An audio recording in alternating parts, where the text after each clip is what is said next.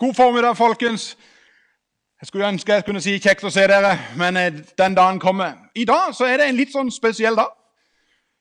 Jeg gjør faktisk noe som jeg aldri har gjort før. Jeg vet ikke om det er andre som gjør dette til vanlig, men eh, jeg taler egentlig to plasser på én gang.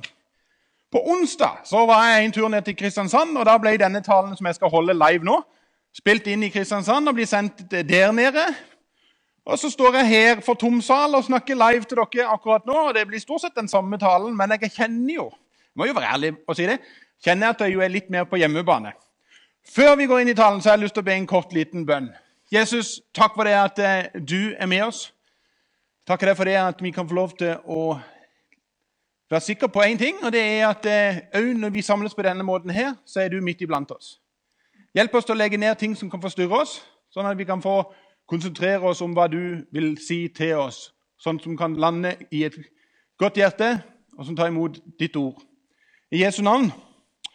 Amen. Opp gjennom eh, årene så eh, har det vært noen sånne merkedager som har vært med å forandre mye. En sånn eh, merkedag var det når på en måte sorgen og sjokket 9. april 1940, når krigen kom til Norge. Men eh, det har jo vært en sånn stor merkedag eh, når eh, jubelen og gleden kom 8. mai 1945, og krigen var ferdig. Og så er det jo noen sånne små hendelser som er med å skape ting i vårt eget liv, som har vært med å forandre ting. Sånn som f.eks. den dagen du var ferdig på skolen og du visste at nå skal du begynne på jobb i ny arbeidssituasjon, eller du bryllupet ditt, eller når du fikk første barn. Eller For min egen del så hadde jeg en sånn liten merke der forleden. Jeg våkna plutselig opp en morgen. Og til min store overraskelse så lå jeg på sida i bestemor. Og heldigvis så hadde jeg sjøl òg blitt bestefar. Og sannheten var jo at vi hadde endelig fått vårt første barnebarn, og gleden var stor. Men det er sånne ting som er med å forandre ting. I verdenshistorien så er det spesielt to hendelser som har vært med å forandre enormt mye. Det er den dagen Jesus blir født til jord, altså at Gud ble menneske. Det har skapt ringvirkninger. Og når Jesus òg velger å gå lidelsens vei og la seg bli korsfesta, nagla til et kors for meg og for deg, for så å triumfere over døden og stå opp igjen tredje dagen Det var ikke noe som bare var med å forandre folk akkurat der og da. Men de hendelsene der er med å forandre mennesker den dag i dag. I dag den dag i dag så hører vi om at mennesker sitt liv blir forvandla i møte med Jesus. I dag så skal vi lese en tekst som står i apostlenes gjerninger. Hvis du har med deg, eller du sitter der du sitter og har en bibel i fanget, så skal du få lov til å slå opp i kapittel 4 i apostlenes gjerninger. Jeg vil faktisk anbefale at eh, når eh, denne guds, lille gudstjenesten her er ferdig, så vil jeg anbefale deg å lese både kapittel 3 og kapittel 4. Fantastisk, det som står der. Men eh, før vi leser, så har jeg lyst til å bare si litt sånn kort hva som har skjedd i forkant. Jesus er som sagt, han er dødd, han har stått opp igjen. Han har vist seg for disiplene, for så å reise opp til himmelen. Han har sendt sin ånd på pinsedag. Og Når vi skal inn i teksten nå, så har Peter og Johannes, to av Jesus' sine disipler, de har vært ute på en aldri så liten labbetur, rusletur, og så møter de en lam mann som tigger etter penger. Og så sier Peter til denne tiggeren at sølv eller gull, det har vi ei. Men det vi har, vil vi gi til deg. I Jesus Kristus Nasareans navn, reis deg opp og stå. Og der og da så blir hans liv totalforvandla.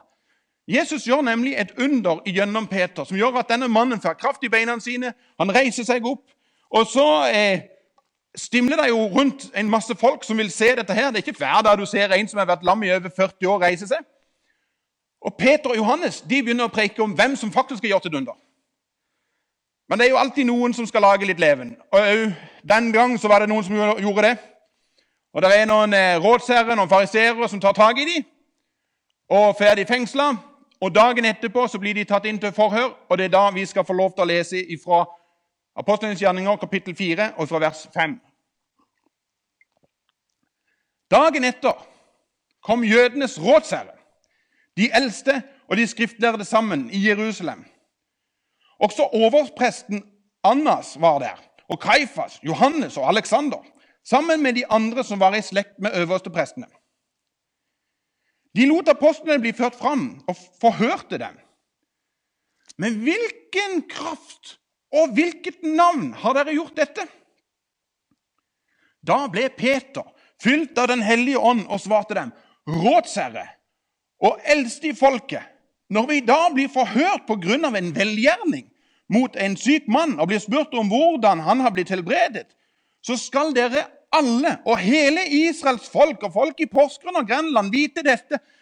Når denne mannen står frisk foran dere, er det ved navnet til Jesus Kristus, Nasareron, han som dere korsfestet, men som Gud reiste opp fra de døde. Han er steinen som ble vraket av dere bygningsmenn, men som er blitt hjørnesteinen. Det finnes ikke frelse i noen annen, for under himmelen er det ikke gitt mennesket noe annet navn som vi kan bli frelst ved. Av og til kan man begynne å stille seg spørsmål om hva var det med Peter som gjorde at han gikk ifra å være en sånn en som ikke hadde frimodighet, til plutselig at nå står og taler for en hel gjeng. For sannsynligvis så har du hørt om Peter før. Du har sannsynligvis eh, hørt om eh, Peter på søndagsskolen, eller du har lest mye i Bibelen. Og Det rare er jo at eh, hver påske så minnes vi dette om at eh, Peter han fornekter Jesus. Han eh, eh, banner og steiker på at han ikke kjenner han i det hele tatt. Og eh, han rett og slett vil ikke egentlig identifisere seg med Jesus. Da kan en begynne å lure på hva er det som har skjedd med Peter. Hva er det som har skjedd at han eh, plutselig går fra å være en fornekter til en som eh, står frimodig fram og snakker om hvem Jesus er? La meg få lov til å bruke et helt banalt bilde. Jeg vet at dette er kleint. Jeg brukte et annet bilde nede på Sørlandet, men jeg håper det henger i hop, at du henger med. Men tenk deg at du aldri i ditt liv har smakt taco. Du vet ikke hva eh, taco er for noe. Så kommer det en eh, langhåra pastor og forteller det at taco det er en fantastisk god rett. En eh, rett som består av ei tortillalefse, og oppå der så skal du få lov til å ha litt eh, stekt kjøttdeig som er godt krydra, og så har du småhakka paprika, tomat, ananas, mais, salat og eh, ost og rømme og salsa. og Du snurrer dette i hop som ei lefse, en liten rundpølse, og så tyter det ut i alle ender, og så smaker det bare helt vanvittig godt. Og Det interessante er jo det at jeg kunne jo ha beskrevet i det vide og det breie om hvordan denne tacolefsa var. Du ville ha fått mer og mer kunnskap og kjennskap til dette her. Men greia er det at eh, det er stor forskjell på det å ha kjennskap til noe og det å ha innsikt i noe.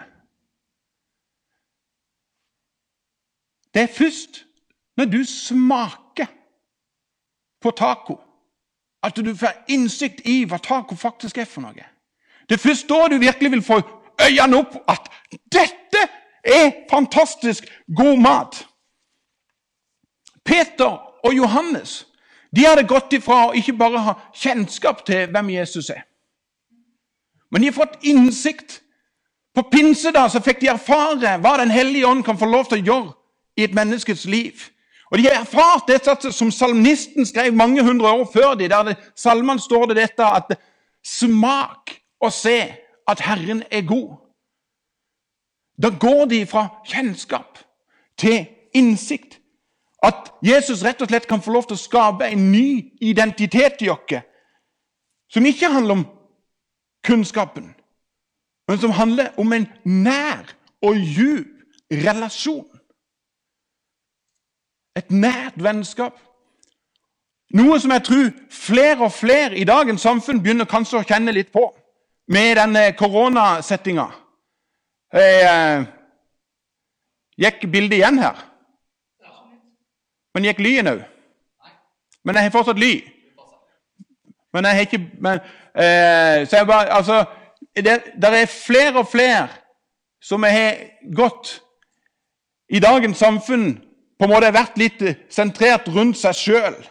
Eh, vært litt sånn egosentrert. Det er meg og mitt, og det er selfie, og det er Eh, men plutselig så kommer det en koronasetting som gjør at vi plutselig alle sitter og er isolert for oss sjøl. Og så savner vi så savner vi fellesskapet. Så savner vi at vi kan være sammen med noen andre. Hva gjør jeg nå? Skal jeg fortsette? Jeg skal bare fortsette. Dette er en gøy livesending. det må Jeg bare si. Jeg elsker å være på direkten. Vet du noe? Den savnet av fellesskap det er ikke noe som bare handler om det fellesskapet vi savner i nær relasjon. Vet du noe? Det fellesskapssavnet det stikker mye dypere. Det stikker ned i oss på en måte som handler om at vi er skapt for fellesskap med noe som er større enn oss sjøl. Noe som hele vårt liv kan hvile på.